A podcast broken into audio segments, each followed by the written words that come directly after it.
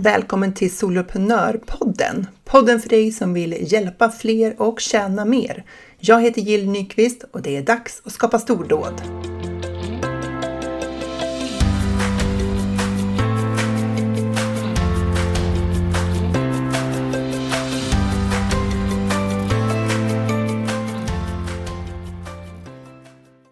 Idag har jag med mig en av mina medlemmar i Soloprenörerna. Det är Jessica Jäger som har en intressant kombination i sitt företag. Hon är nämligen sångerska och marknadsföringscoach. Dessutom är hon snart aktuell med en bok som handlar om självledarskap för soloföretagare. Välkommen till Soloprenörpodden Jessica! Tack snälla Jill, vad härligt! Vad roligt att ha dig med! Mm, det tycker jag med. Det, det kändes som att jag sa många spännande saker. Du får berätta eh, liksom vad du gör i ditt företag, för jag förstår ju att det är två olika branscher eller nischer och vilka ah. du hjälper. Liksom.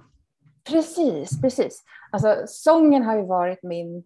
Jag har varit företagare i 16 år, sen jag gick ut gymnasiet. Och då var det att jag ville ut och sjunga. Det var liksom det jag brann för och har gjort ända sedan jag var pyttis. Eh, och framförallt så tycker jag om att beröra, verkligen gå in på hjärtat så, hos människor och, och se det. Alltså, jag kommer ihåg väl ihåg när jag gick i högstadiet och, och människor tårades när jag sjöng på en konsert. Jag var så här, det där vill jag uppleva igen, det var så magiskt. Eh, så jag har sjungit på dop, bröllop och begravningar främst de här 16 åren. Och sen har jag faktiskt en företagsekonomi kandidat med inriktning på marknadsföring och den tog jag för att jag skulle lyckas som sångerska. Men nu när vi kom in i en pandemi och stora delar av musikbranschen fick bo på paus lite grann så tänkte jag men nu plockar jag upp det där. Jag har ju drivit företag, älskar företagandet och älskar marknadsföring. Det är också kreativt. Det är inte så långt mellan musik och marknadsföring egentligen, för båda är kreativa. Eh, så då vände jag mig till soloföretagare eller de som kanske har någon enstaka anställd, men så på timmar eller så, eh, för att hjälpa dem att nå ut med marknadsföring och att verkligen göra det med sin genuina, autentiska röst så de får sina rätta kunder. Så där kan man väl säga att jag spänner emellan. Ja. och så ja, den här boken då, eh, som handlar om självledarskap för soloföretagare. För det är ju, alltså, sätta upp sina visioner, känna mening i livet, faktiskt ha självdisciplin och se att självdisciplin det är självkärlek. Att faktiskt agera på alla sina drömmar och ge det till sig själv. Så att, ja, det vill också spänna hela den resan jag har varit med om, alla företagare jag möter. Alltså det är mycket, mycket i samma. Exakt, jag sa, jag sa ju det till dig innan här att när du skriver, vi brukar ju hylla veckans stordåd i Soloprenörerna och ja. du skriver alltid det är, det är, väldigt mycket som har hänt varje vecka för dig och du, i en bredd. Liksom. Det är alltid från ja. begravning och dop till, till att du har haft eh, något eh, härligt, eh, någon härlig träff med, med, i din medlemstjänst. Liksom, ja. och, och sådär. Så du måste ha en enorm variation på vad du gör på dagarna. Ja, det är det som gör att jag håller igång, tänker jag. Nej, men jag får alla mina delar tillfredsställda. Att jag brinner för att få utlopp för både det kreativa och det logiska. Och, men, men alltså, samma för allt är ju att jag är i relation med människor. Mm. För det är människorna jag brinner för. Men förstod jag det rätt då, som att där, före pandemin, då, då jobbar du inte med marknadsföring och hjälpa, liksom, vara marknadsföringscoach och så, utan då var det bara sångerska, liksom, fokus? Det stämmer. Jag, ja. alltså jag kan inte säga att jag någonsin har varit bara sångerska, jag har gjort massa saker. Och sen visst, jag har gjort uppdrag inom marknadsföring som att jag har varit på produktionsbolag och hjälpt dem att lägga artisters turnéer och marknadsföra turnéer och sådär. Ja. Men det har verkligen varit inhopp för att någon har behövt hjälp. Just det. Men det, var liksom inget gången. fokus, för det var musiken Nej. som var liksom fokus ja. i ditt företagande då? Ja. ja. Sen kom pandemin och då, då någonstans bestämde du dig för att starta liksom ett, som ett nytt ben i ditt företag? Mm och jag testade mig fram lite. Först så utbildade jag mig till eh, livscoach och självkänsla-coach. Så jag skapade först en medlemsportal med inriktning på, på det, att stärka självkänsla och självkärlek hos människor. Och så drev jag det något år så kände jag att nej, men det var inte riktigt rätt. Eller jag ville ta det till nästa nivå. Jag ville använda självkärlek och, och självkänsla till att verkligen inte bara lyfta sig från det som är tungt utan faktiskt använda det för att komma framåt och Eh, ja, uppleva sina drömmar, liksom, realisera. Mm. Och då, tänkte, då var det som att allting bara föll på plats. Företagande, människorna jag omger mig med. Och så här, ja, men det är klart, det är ju småföretagare jag ska jobba med, soloföretagare som vill stärka sin självkänsla och då kanske vi kallar det för mindset, den branschen. Ja. Och, ja, så, ja. ja. men det är samma på något sätt. Ja. Det handlar om att om jag tror på mig själv och det jag gör och står för, ja, men då kommer jag till högre betalt. Jag kommer attrahera rätt människor som verkligen vill ha min hjälp och som kan få utlopp för det. Så, uh, mm. så ja, det växte fram kan man säga. Men jag måste ändå fråga lite mer precis, för att jag tänker att det är många som skulle ha varit i den situationen där man har jobbat mot en bransch, eller i, ja, på ett sätt då, sångerska i ditt mm. fall, och lite mm. olika varianter inom det då, som, som skulle haft svårt att och liksom, vet här, byta ben eller skapa ett nytt ben för att all, hela din närvaro på sociala medier föreställer mig handlade om att vara sångerska, eller? Ja. Hur, liksom, hur, hur gjorde du den förflyttningen lite mer specifikt? jag jag tog hjälp av en coach. Ja. För att verkligen så här, nu behöver jag något annat. Jag tänker inte sitta och vänta på att få ut och sjunga igen. Och det gjorde jag inte. Alltså jag hade kanske 30-35 spelningar per år, men det är betydligt mindre än 100 som det ja. var annars. Ja. Så jag var så här, jag behöver göra något mer. Och sen har jag ju, alltså redan för många år sedan så var jag med i tidningarna som slasher. Och det var liksom när man började bli multiprenör kan man väl säga. Jag var sångerska slash någonting slash någonting. Jaha, så jag har ju, så jag har ju liksom alltid varit multi på ett eller annat sätt och engagerat mig i olika föreningar. Och så. så det var nog inte så svårt för mig att tänka att jag skulle göra mer eller annorlunda. Och jag har haft stora företag på papper men som har varit på paus för att jag fick barn och liksom mådde väldigt dåligt i mina graviditeter och förlossningar och sen haft utmaning i sig med att vara förälder. Och, och då har jag liksom gått till sången för att det har varit tryggt. Det har varit min bas att alltid mm. falla tillbaka på. Men jag har ju alltid velat testa en massa annat så nu var det mer som att jag fick möjlighet att göra mycket av det där andra som fanns där bak. Mm. Och jag sålde blommor på torget. Jag gjorde allt möjligt. Jag körde hem blommor på jul när folk inte kunde gå ut och handla eller inte satt där själva. Ja, så. Mm. så jag plockade ihop lite av varje och testade saker. Mm. Så det har varit säga, två år av testa och känna att jag kommer ingen vart. Och det är ju inte sant såklart. Men det tog väl två år att komma till klarhet och hitta min form för det nya. Och nu när jag liksom känner att men nu har jag landat, nu vet jag, jag har min medlemsportal med fokus på marknadsföring och så har jag mina coachingklienter och vet liksom hur det paketet ser ut när man jobbar med mig en och en. Och det har också sett lite olika ut under den här perioden. Mm. Och sen plötsligt kom ju då, när jag äntligen kände att nu har jag landat, nu vet jag vad jag ska bygga. Mm. Ja, då kom ju sånguppdragen tillbaka. och då var så här, jag var så här, nej men nu ska jag inte fokusera så mycket på sång, utan nu ska jag bygga det här nya och sätta det så jag gör ingen marknadsföring för sången alls. Det har jag knappt gjort de här två åren alls, förutom att jag gav ut en julskiva mitt under pandemin. Ehm, men då så här, det kommer två till fyra gig i veckan utan att jag gör något, för jag har ju byggt upp det under ja. så lång tid. Så nu, har jag liksom, nu håller jag på och jonglerar och försöker hitta hur de här, det gamla och det nya ska samsas. Ja, för du tycker ändå att det ska samsas ändå. Du tackar inte nej till dem där för du tänker att det där, den där dörren har jag stängt. Nej, absolut inte. Jag, jag vet att när jag har mått som sämst, så var jag så här, nej, ska jag, jag ska sluta med allt. Eh, och då slutar jag även med sången och så tänker jag att jag behöver bara vila och då mår jag ännu sämre. Mm. Det var samma, jag fick en förlossningsdepression med mitt första barn. Och eh, jag hade ju sagt att jag, liksom, jag skulle gå in i en bebisbubbla och jag skulle vara hemma och så här. Men jag mådde ju jättedåligt. Jag hade ont i hela kroppen. Jag låg på sjukhus. Jag knöt inte an. Och istället så var det så att jag gick och sjöng. Jag fick en förfrågan som var i min då närmaste kyrka. Kan du sjunga på dop? Och jag sa, ja men det gör jag. Så när han var knappt två veckor så åkte jag och sjöng på dop. Och jag kände så här, här är jag någon. Det här kan jag. Mm. Det här kan jag ge. Så att jag har behövt sången som en, som en räddningsplank eller något som har lyft mig oavsett. Det är ju samma om jag är glad så kan jag ju bli ännu gladare. Så. Mm. Och det som det är som att gå och sporta liksom, när jag har spelat tennis i min uppväxt. Det är för att få ur mig alla aggressioner och sådär, slå till den här bollen. Men det finns ju där i musiken också. Utlopp för alla mina känslor. För de är många kan jag säga. Ja, jo, jag har förstått det. jag tror det var du som kommenterade det här. Ja. Det är mycket känslor inlägg. ja, men det är alltid mycket så starka känslor när, när du rapporterar. Inte alltid dina egna, men andras också som du väcker, precis som du säger. Ja, ja men det är ju både och. Du, du, du sa eh, inledningsvis, precis inledningsvis här att eh, det var så två år av experimenterande. Mm. Vad, vad, var det som skapade den klarheten som du, som du upplever nu? liksom, vad var din metod för att komma till klarhet?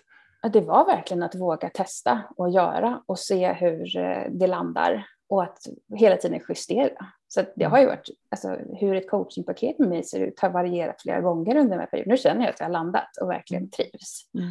Men det var så här, jag hade till exempel att man kunde köpa timpaket. Men då märkte jag att någon sparade på det, så att vi, de kom en gång i månaden och då blev det ju mest en recap på vad de gjort senaste månaden sedan förra samtalet. Så blir det mer som en, aha, så jag har en plan framåt. Jag vill, säga, jag vill in på djupet och verkligen hitta det här som, alltså jag älskar ju när mina kunder sitter och gråter, det låter hemskt, men, men alltså för då är vi i det som berör och som är viktigt för dem på riktigt. Ibland hamnar man så mycket i sin att göra-lista och glömmer bort varför man gör och varför man har satt sina grejer på listan. Och när de sitter där och gråter för att de är så rörda över att de gör någonting som är så viktigt, då, alltså där vill jag vara. Inte mm. sitta och göra en att göra-lista som ska sträcka sig över en månad till nästa. Och sen samtidigt när folk hör av sig, mina klienter hör av sig mellan sessionerna, jag blir så här, hur mycket ska jag bjuda? Jag har ju tagit betalt för en timme vad ska jag göra nu emellan? Hur mm. mycket ska jag bemöta? Jag vill ju finnas där för mina klienter. Jag vill inte att de ska stanna upp, men någonstans behöver jag sätta en gräns. Mm. Så då jobbar jag ju även i mina one-on-one sessioner med just typ medlemspaket kan man säga. Där, mm. där ingår kontakt mellan samtalen och det ingår samtal varje vecka och jag vill att vi ska hålla momentum och vara i relation. Mm. Jag har ju utvecklat även det utifrån mm. hur jag trivs bäst och hur jag ser att mina kunder får resultat. Mm. Det tycker jag är så spännande att, att, du beskriver det, för att jag tänker att det är många som kör fast redan innan de ens har börjat, för de ska tänka ut det perfekta för hur, de, så här, hur mm. ska den här paketeringen av den här tjänsten se ut, vad ska den innehålla, hur ska jag uttrycka det? Och så fastnar man i att man inte riktigt, att man inte är riktigt nöjd med det, men man provar det inte heller. Och så, och så fastnar man i det där liksom icke, ingenmanslandet av jag har skapat något, jag är inte nöjd, Eh, Eh, jag vet heller inte vad jag ska göra för förbättring. Jag lanserar det inte. Ja, alltså jag har varit där i perioder i mitt liv också. Men det var när jag bestämde mig för att ge ut eh, min första skiva. När jag släppte, apropå att det ska vara på ett visst sätt. Jag är ju uppvuxen med Carola eller, och en massa andra stora artister och de blev upptäckta. Och de slog igenom över en natt och sen såldes det skivor och det var Bert Karlsson som var där och tog sig an alla artister. Och så tror jag att det är så det ska gå till. Men i dagens samhälle ser det ju inte ut så. Det var ju min lilla flickas bild av hur det skulle gå till. Så när jag var så här, nej men vänta nu, jag kan skapa ett skivbolag. Jag kan starta det själv och så kan jag ge ut min skiva. Så jag gjorde det. och det var liksom när jag släppte sådana föreställningar om hur det är eller ska vara som det började hända saker. Och i och med att det var så mycket i den branschen som jag inte kunde, alltså sjunga kunde jag ju, men jag visste inte hur man producerar låtar och var jag skulle hitta rätt musiker och hur man mixar och mastrar. Alltså det var så många delar som jag inte kunde, så då tog jag ju hjälp. Och det var så häftigt. Jag tog hjälp på flera plan samtidigt. Så jag tog hjälp med producent som också fick, han blev ju spindel i nätet, och gjorde typ allt annat. Och jag kom in och sjöng och hade mest kul och betalade. och sen så hade jag, tog jag in redovisningsassistent efter så många år efter att ha gjort min bokföring själv. Och så satt jag där, jag visste att jag var ute och sjöng och samtidigt så här, min skiva producerades, min bokföring blev gjord. Det var så här, det var sånt flyt, det var flow och jag bara wow, jag har verkligen kommit någon vart. Och det händer saker. Och det hände saker fast jag låg och sov. Typ. Ja. Uh, ja, det låter det var, fantastiskt. Ja, och det är ju fantastiskt. Och det var när jag hade fått smaka på det, när jag hade givit mig själv det, att ta hjälp och eh, sätta ribban högre än vad jag förmådde själv. Mm. Då, det var då det började hända grejer och efter det så testade jag väldigt mycket mer. Min första skiva är absolut inte perfekt. Jag har lärt mig mycket under den processen, så när jag gjorde mitt andra album, då satte jag med mycket mer i vissa aspekter och lärde mig mm. ännu mer. Och, och nu vet jag att det där hade jag kunnat säga till om på första albumet, för det hade man kunnat göra någonting åt. Jaha. Mm. mm. Så. Och, bara, jag var bara snäll. och så tycker jag ändå att jag har ändå gett ut två album efter alla dessa år. Och det mm. var ju jättekul. Mm. Och så bara se att nej, det är roligare att känna att man är i flow än att allt är perfekt. Mm, verkligen. Och det, det är ju liksom det att man kan inte tänka sig till klarhet, man måste göra sig till klarhet. För man, varje upplevelse öppnar ju liksom dörrar in till nya insikter och erfarenheter som man sedan bygger vidare på. Och det är först när man liksom gör det där som man kan få det. Man kan inte liksom i sitt huvud se alla de där varianterna framför sig innan de har skett. Man kan bara se de grova dragen. Ja, och så tänker jag att man ofta tänker lägre om sig själv. Än om, alltså det som är självklart för en själv, det är oftast det man är så bra på. Och då mm. tänker man ju bara att ja, men det där kan ju alla andra också, för att det är så lätt för en själv. Och så sitter andra där och tycker att du är en guldgruva med det du kan leverera. Mm. Och du får inte veta det för att du inte går ut och säger något för att du tror att det är för låg nivå. Mm. Har du upptäckt någonting sånt som du erbjuder som, som du tänkte, det här kan väl alla? Men jag, alltså hela min bok satt jag ju och tänkte, nej men det här kan ju alla. Eller alltså, och det, ja, och det handlar, alltså det, jag vill ta beslut, göra prioriteringar, ha rutiner, självkänsla. Alltså det var så mycket i det här som jag var så här, ja men det här vet ju alla. Det här cirkulerar ju överallt i mm. typ sociala medier. Ja, i mina sociala medier för att jag har valt att följa den typen av människor. Andras flöden ser helt annorlunda ut. Och så skickar jag, den enda som har läst min bok hittills är lektören. Och hon var så här, jag ropade rakt ut, eller jag skrek rakt ut när jag läste den här sidan. Det var så här, wow, det, det verkligen lossnade för mig. Så här, ja, nej, men det är inte självklart för alla. Mm. Eh, så att jag fick liksom komma över det hela tiden. Och sen också så här, jag brukar prata om kraft i repetition. Det betyder ju inte, alltså det finns ju människor som vi betalar för att de ska sitta och säga samma sak till oss varenda vecka tills vi gör det. Ja. Eh, så någonstans så behövs ju den här boken kanske som en påminnelse för någon. Mm. Ja, det är ju ofta ett ganska stort glapp mellan vad vi vet och vad vi gör. Ja. så, så att tills vi faktiskt kommer in i det görandet så behöver vi tydligen höra det där igen och igen, så många gånger som det krävs tills vi faktiskt gör det. Så det var Men då är du så här, då, så här, sångerska och så skivbolag, då förstår jag. Ja, sen, jag ger bara ut mig själv än så länge. Ja, men... ja. Och sen eh, så blir du författare nu också då? Ja, det drömde jag om. Alltså när jag var liten så var jag så här, ska jag bli sångerska eller ska jag bli journalist? Men sen apropå att jag hade båda världarna så, så såg jag hur många artister behandlades så illa av journalister. Så det blev min bild av journalister. För jag var liksom alltid på musikerns sida. Så jag var så här, nej men jag kan ju inte bli en här smutsig journalist. Jag har ju förstått senare att det finns många fina journalister ja. gör väldigt många bra saker. Men det gjorde att jag liksom lite grann släppte bilden av att nej, men jag ska inte vara journalist. Nej. För de var så taskiga. Sen hade jag för avsikt att gå en högskoleutbildning som hade kombinationen musik och media. Mm. Och media var ju mycket det journalistiska. Men den hann de plocka bort. Man behövde en kandidat innan man ens fick ansöka. Och vid tiden jag hade tagit min kandidat då fanns inte den utbildningen kvar. Mm. Nej. Men, så att jag skriv, alltså skrivandet också alltid funnits. Apropå känsloutlopp så var mm. jag började skriva poesi när jag var tonåring. Och det var då jag något mötte alla de här känslorna och var så här, oj, oj vilket djup. Jag blev rädd för mina egna ord. Och man tänker ju rätt djupt kanske när man är just tonåring. Så mm. Men någonstans så var det också min kanal. Så att både musik och, och skrivandet är känsloregulatorer mm. kanske heter ja, för mig. Mm. Och jätteviktiga. Och jag berör gärna med både text och musik. Men boken hade ju kunnat handla om en massa olika saker och givet liksom vad du kan. Varför blev det just självledarskap? Mm. Det är en bra fråga. Jag ville egentligen skriva om marknadsföring, eller det hade jag tänkt. men, men, det är väl lite sådär, när jag själv då jobbade med min nya process så, så var det ju liksom inte marknadsföringen som stod i vägen, utan det var ju vad jag vågade ta mig an och stå för. Så jag brukar, och, och, hur jag, jag var så låg på energi. Jag var så otroligt trött och jag har fått eh, nu diagnos inom autoimmun sjukdom och så där. Så det är saker som tynger som smärta och som gör att jag blir trött. Och, och någonstans i det insåg jag att det var ju inte min kunskap som stod i vägen, det var det, det som tog stopp var min energi. Jag hade tid. Jag visste att prioritera för att skapa mig själv tid, men det var energin som tog stopp. Så då, det var väl därför jag började i att för att vi ens ska ha ett företag så måste det finnas någon som driver det här företaget som orkar göra något i företaget. Och då hamnade jag liksom i välmående, men jag ville göra det ur positiva, hjälpande aspekter och inte liksom sitta och dränera också säga att oh, oh, vad jobbigt att jag inte orkar, utan okej, okay, vad ger energi? Hur mår vi bra?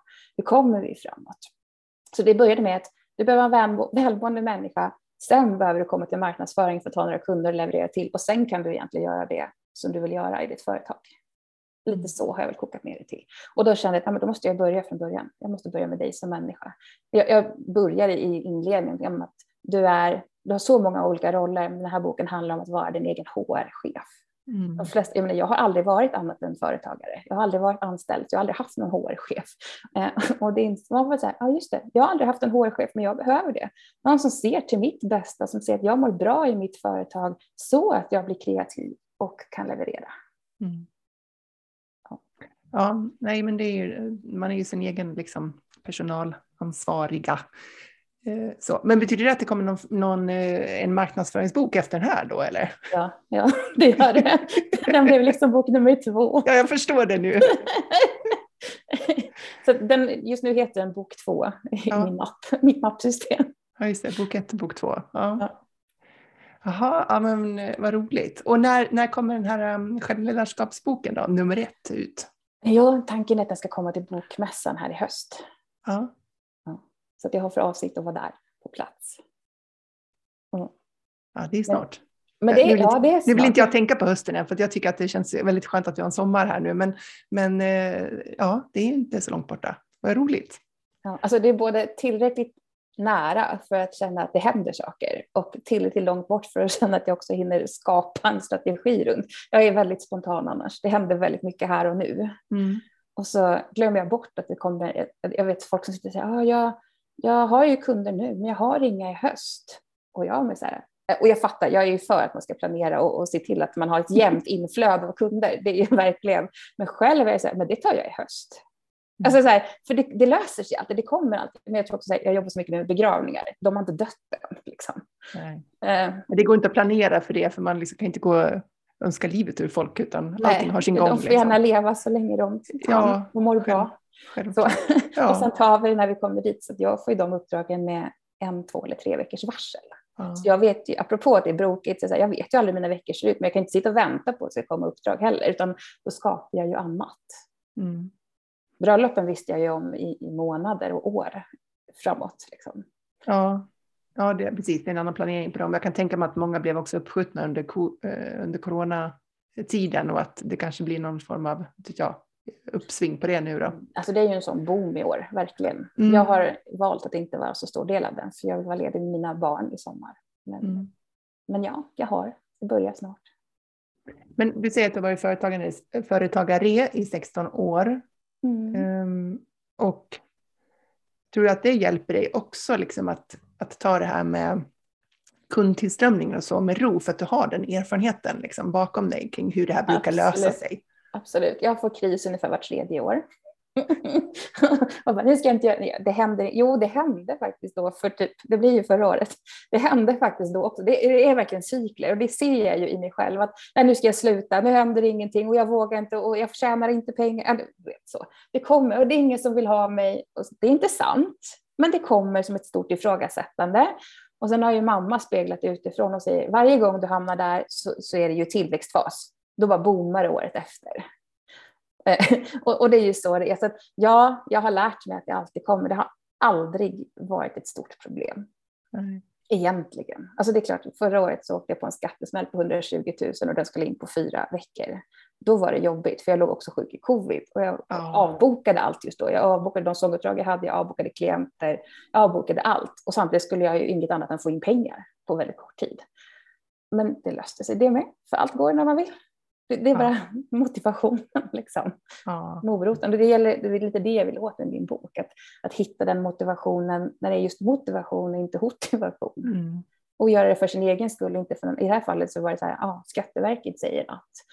Men att hitta det för att man själv vill uppfylla sig, sitt, sina drömmar, sitt bästa jag och leva och tycka att det är härligt att leva. Mm. Du, du pratar ju en del också om det här med autentisk marknadsföring. Vad, vad betyder det för dig? Det betyder att eh, verkligen utgå ifrån sig själv. Jag tänker, jag kan en massa marknadsföringsknep och strategier och tips som jag personligen själv aldrig använder för att det inte känns rätt och sant i mig. Och när, alltså, jag har en klient som kom nyligen till mig. Hon hade tagit hjälp av någon att lägga upp en lansering av en tjänst hon hade och det hade slagit så fel.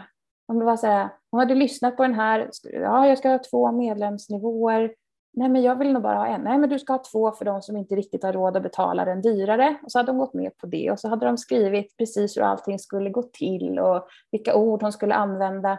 Och idag sitter hon med helt fel kunder som inte kommer dit och närvarar, som inte betalar sina fakturer. Alltså ingenting blev bra. Och det är ju för att hon körde av över sig själv i tron på att någon annan egentligen kunde bättre. Jag utgår alltid från min klient, vad har jag framför mig, vad är sant? För det är därför jag tycker coaching är så häftigt. För jag ställer ju frågorna som gör att den andra personen sitter och är expert på sitt område och på sig själv och hur den funkar. Så att hela tiden gå till sitt varför. Apropå det att få klienter att gråta. Att man kommer tillbaka till och, och göra även marknadsföringen från den platsen. Jag tror ju att alla människor där ute som driver företag, nästan alla i alla fall, kommer ur någon sorts empati för andra människor. Man gör ju något, för jag har en förmåga som, som betyder något för någon annan. Och det vill jag ge. Och sen får jag betalt för det så det blir en transaktion, ett utbyte på energinivå.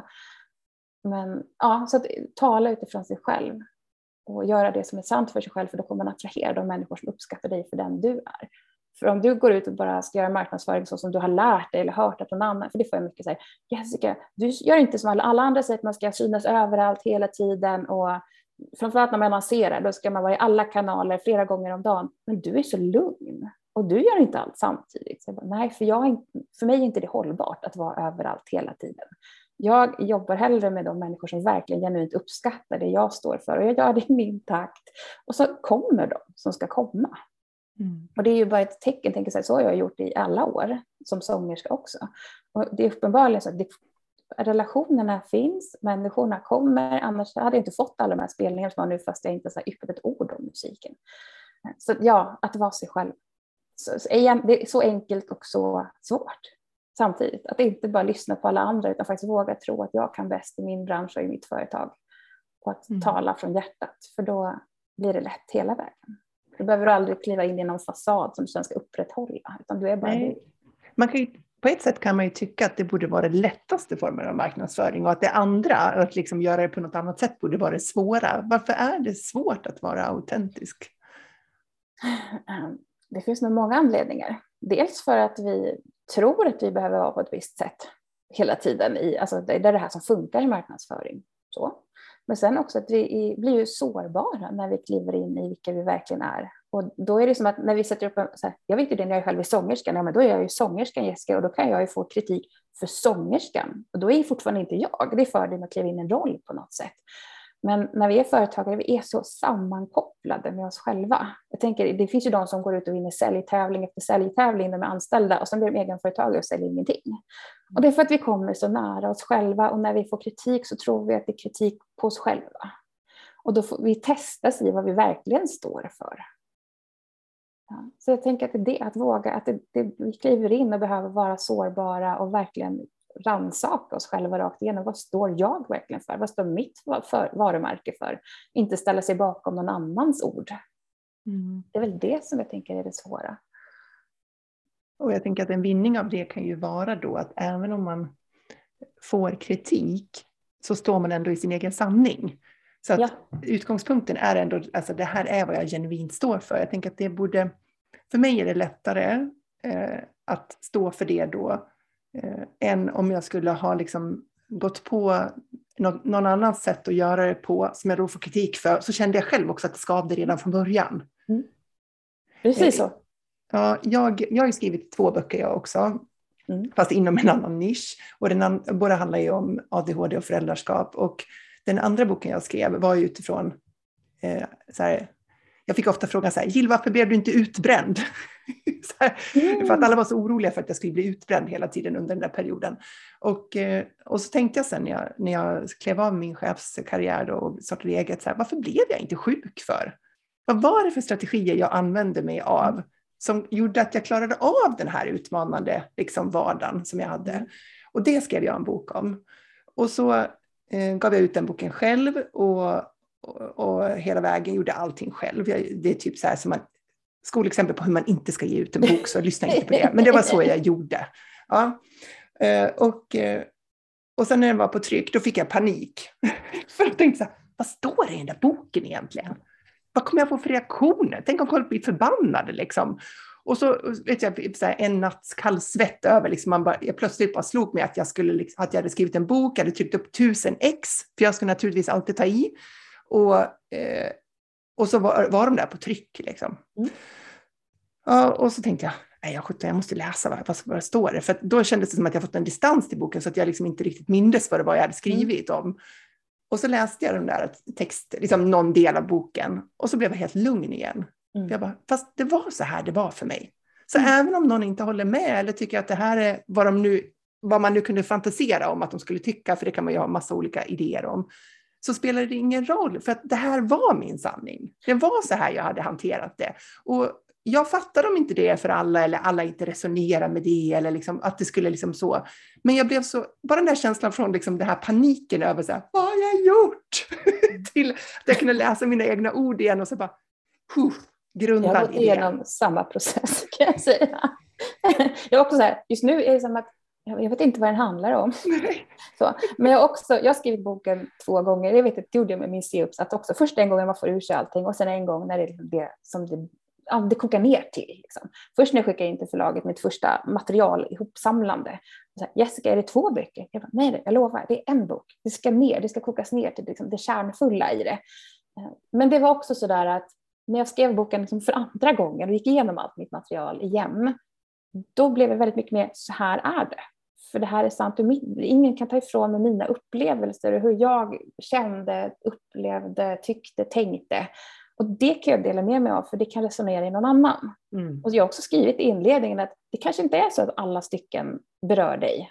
Då kan du bara låta dem passera. Och sen mm. så håller du fast vid det som faktiskt ger dig någonting. Och utvecklar det och ser vad händer i dig när du utmanas i den här tanken. Varför reagerar du som du gör? Mm. Och, och utforska de delarna. För ibland är det grejer man läser i en bok och så känner man bara, det här kan jag, vad skönt, vi tycker lika. Och så, mm. så är det inte, för det är också en skön känsla. Och bara tänka, ja. varför, varför tyckte jag det var så skönt att, att, läsa det här? Jo, men det är för att jag står för det här också, får man bekräftelse i. För det, ibland är det så svårt att paketera det man själv står för, just för att det är så självklart. Mm. Och då tycker jag det är skönt om någon annan lyckas paketera det. Så att jag ser, jaha, det är rubriken de sätter på det här som jag kan. Eller, mm. Eh, för det ska jag säga, marknadsföring handlar ju om att paketera. Men det, jag personligen tycker det är väldigt svårt att paketera det jag verkligen kan. För det är svårt att veta när det börjar och slutar och vad andra kan och inte kan. Mm. Ja, det är lättare i sång just. Så här, ja, jag sjunger så här många sånger och det här ingår. Och, ja, mot, och, när man pratar om saker som berör hjärnan på något sätt som det ändå mm. gör så fort vi pratar marknadsföring eller coaching. Eller Ja, ibland kan det också vara lättare att paketera andras grejer än vad det är ja, att paketera precis. sina egna. Eh, för att man står för nära sitt eget. Så. Men jag tänker om man, liksom, om man står då i, i sin egen sanning och i sitt eget sätt att, att se på det här, då mm. är det ju lättare att kliva fram, tänker jag, liksom mm. ut i skyltfönstret och, och prata om det här. Och jag föreställer mig också att man, det är lättare att hitta de rätta orden och beskrivningarna på det här när man har landat i så här, vad är egentligen sant för mig? Hur vill jag egentligen göra det här? Men det är väl en process liksom att hitta sin egen sanning. För det kanske inte är så att man vaknar upp och så bara, ja ah, men jag ska ju, um, jag är ju så här jag, eller det är det här jag står för. Utan man måste liksom så jobba sig igenom det där och det kan vara lite, kan vara lite plågsam process kanske att hitta det där. För att det är liksom kanske så vad håller jag på med? Det är otydligt och, och liksom så här, eh, abstrakt på något vis att komma fram till det där. Ja. Jag, har skrivit lite om det här också faktiskt. Och, och just det här, jag, tycker, jag älskar ju att brainstorma och komma på de här bra idéerna som man sen kan realisera. Och sen har man hittat det här, jag kommer ihåg den där dagen som jag kände så här, okej, okay, jag har ju vanan av att prata, stå på scen, vara i relation med människor och så har jag en utbildning i marknadsföring och jag vet hur man är för, alltså allt det där bara, och, och så mindset och nej, så här, det här ska bli en tjänst. Kom, det var så självklart i mig så jag var fullständigt lugn. Mm. Och så var jag så här, det här ska jag agera på. Så när jag vaknade nästa morgon, då var jag ju i ren panik. För då var det ju inte längre något så här kul, flummigt brainstorming-scenario, utan det var så här, jag ska realisera, jag ska gå till, till handling och jag vet inte jag har aldrig gjort det här. Alltså jag kommer så väl ihåg hur det var så här, totalt lugn för att det är rätt mm. till totalt kaos. För nu behöver jag lära mig en massa saker. Alltså det mm. var så här, lärprocessen och ut där och testa innan man vet. Och det är ju samma fördel med att bli kritiserad eller få frågor där ute när man liksom går ut med sin sanning, det är att man faktiskt filar på den ytterligare. Mm. Precis som med alla, allt man gör och skapar. Även, så här, även vilka, vem är jag? Mm. Det är ju, alltså, min man är sån som han kritiserar alla idéer. Så fort jag, jag kommer med ett frö, slänger ur med det Och så kommer han med alla de här starka, svåra frågorna och jag bara, åh det var jättedåligt, nu dödar du allting. Eh, och det här är ju något som vi har fått jobba på i vår relation. Det är så här, jag behöver bara få sprudla ur med massa saker, för i den processen så kommer jag komma fram till det som är bra för mig. Och sen den förmågan du har att ställa de här kritiska frågorna, de är jättebra när jag har landat i mitt. Mm. Och då kan du Lite längre fram i processen. Ja, precis. Inte liksom i starten. Så vi har ju hittat vårt sätt att jobba med varandra. Jag kan hjälpa till att brainstorma med honom, för det är min styrka. Och så kan mm. han hjälpa till att ifrågasätta på slutet, när vi börjar närma oss liksom kärnan och, mm. och slutresultatet.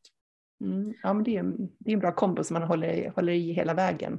Eh, det är många av oss soloföretagare, som, åtminstone av de jag möter, som känner igen sig i någon form av så här popcornhjärna. Mm. Eh, i, som i att man har många idéer som poppar.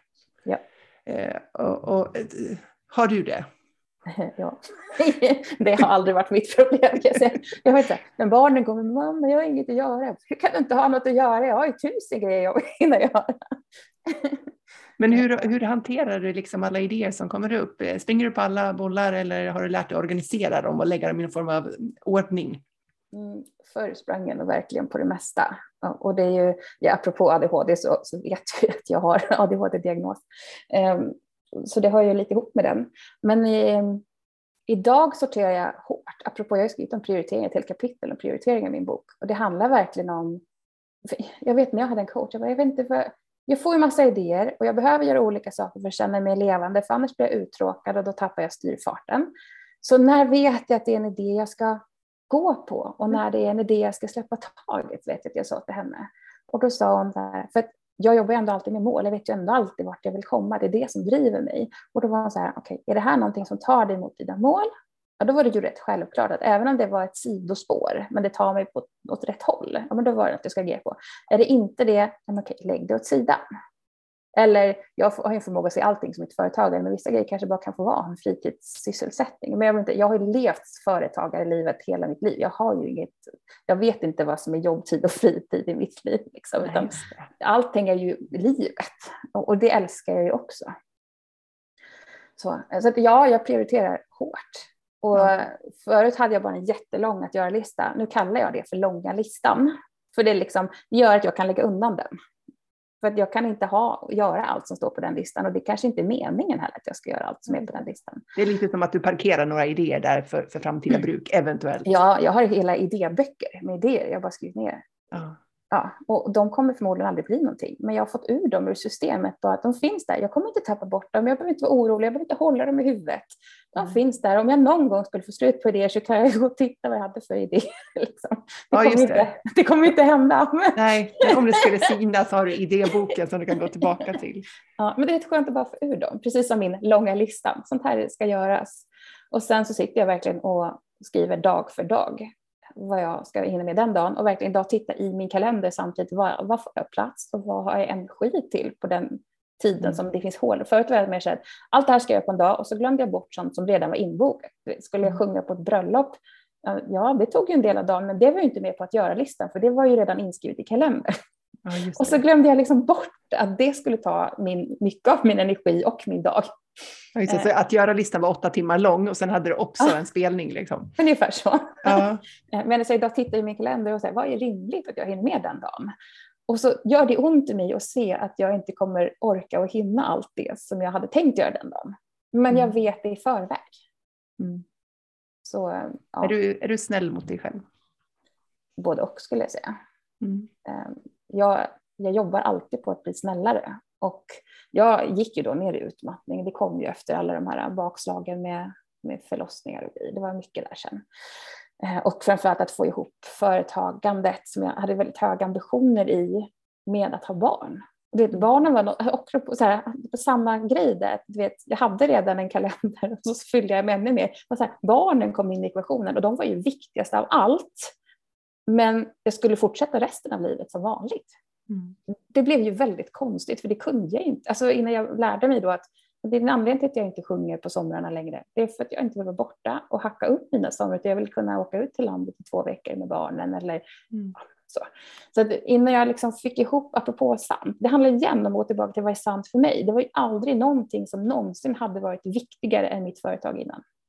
Eller liksom, och i företaget mm. menar jag att göra det som är kul i livet på något sätt. Men, ja, men så kom barnen som övertrumfade allt. Och så gjorde jag inte tillräckligt mycket plats för det. Alltså var jag inte sann mot mig själv. För jag kände mig både otillräcklig som mamma och otillräcklig som företagare. Mm.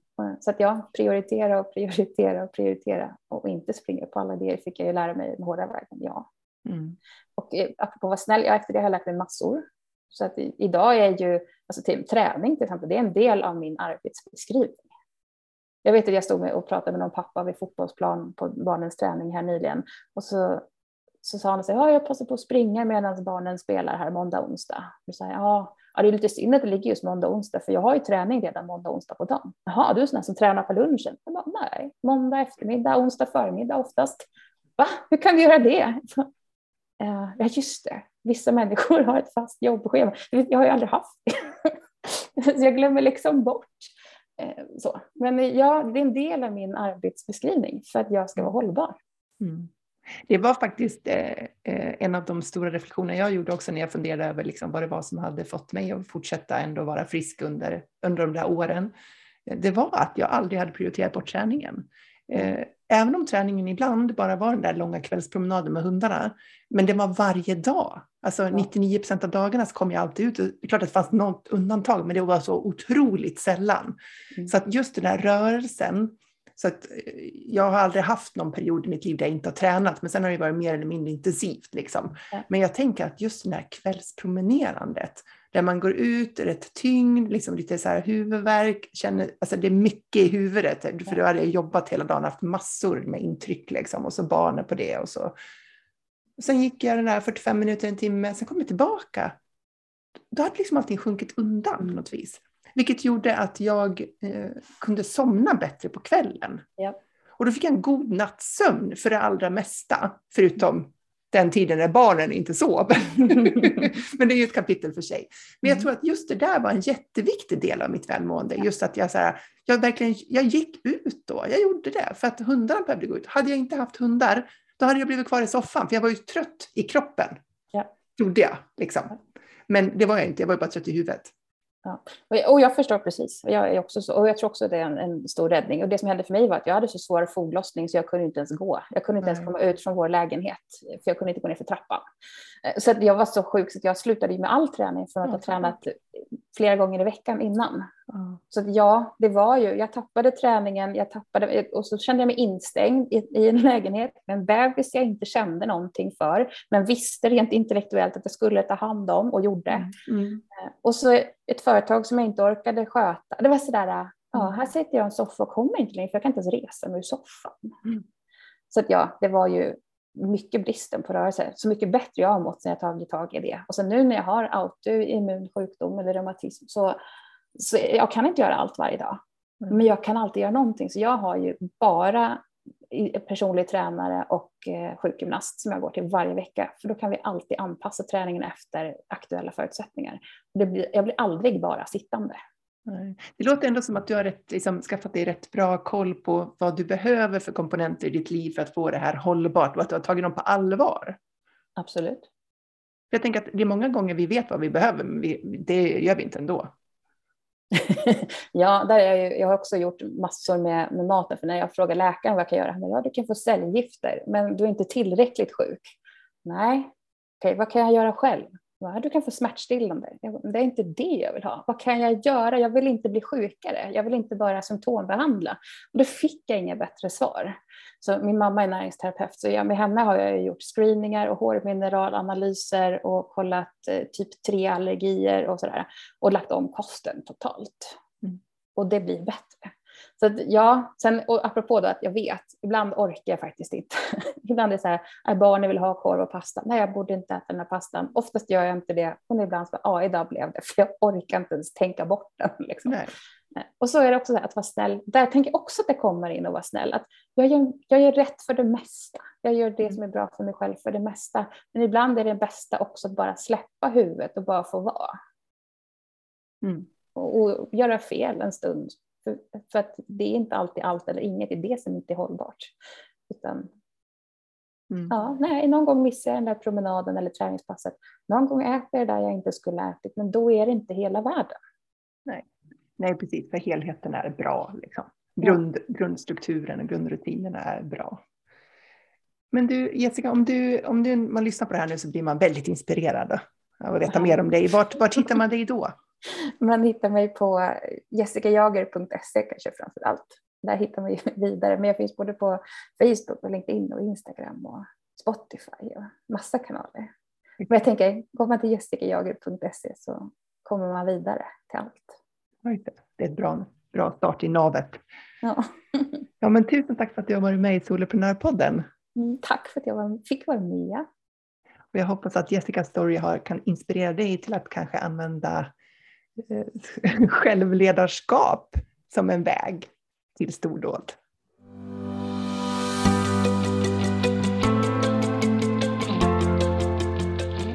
Stort tack för att du lyssnar på Soloprenörpodden. Jag är så glad att ha dig här. Du får jättegärna lämna mig en review på iTunes och ratea podden. Ge den fem stjärnor om du tycker att den är värd det, så hjälper du mig att sprida den till fler. Eller varför inte ta en skärmdump på det här avsnittet och tagga mig på en story på Instagram, solopreneur.nu.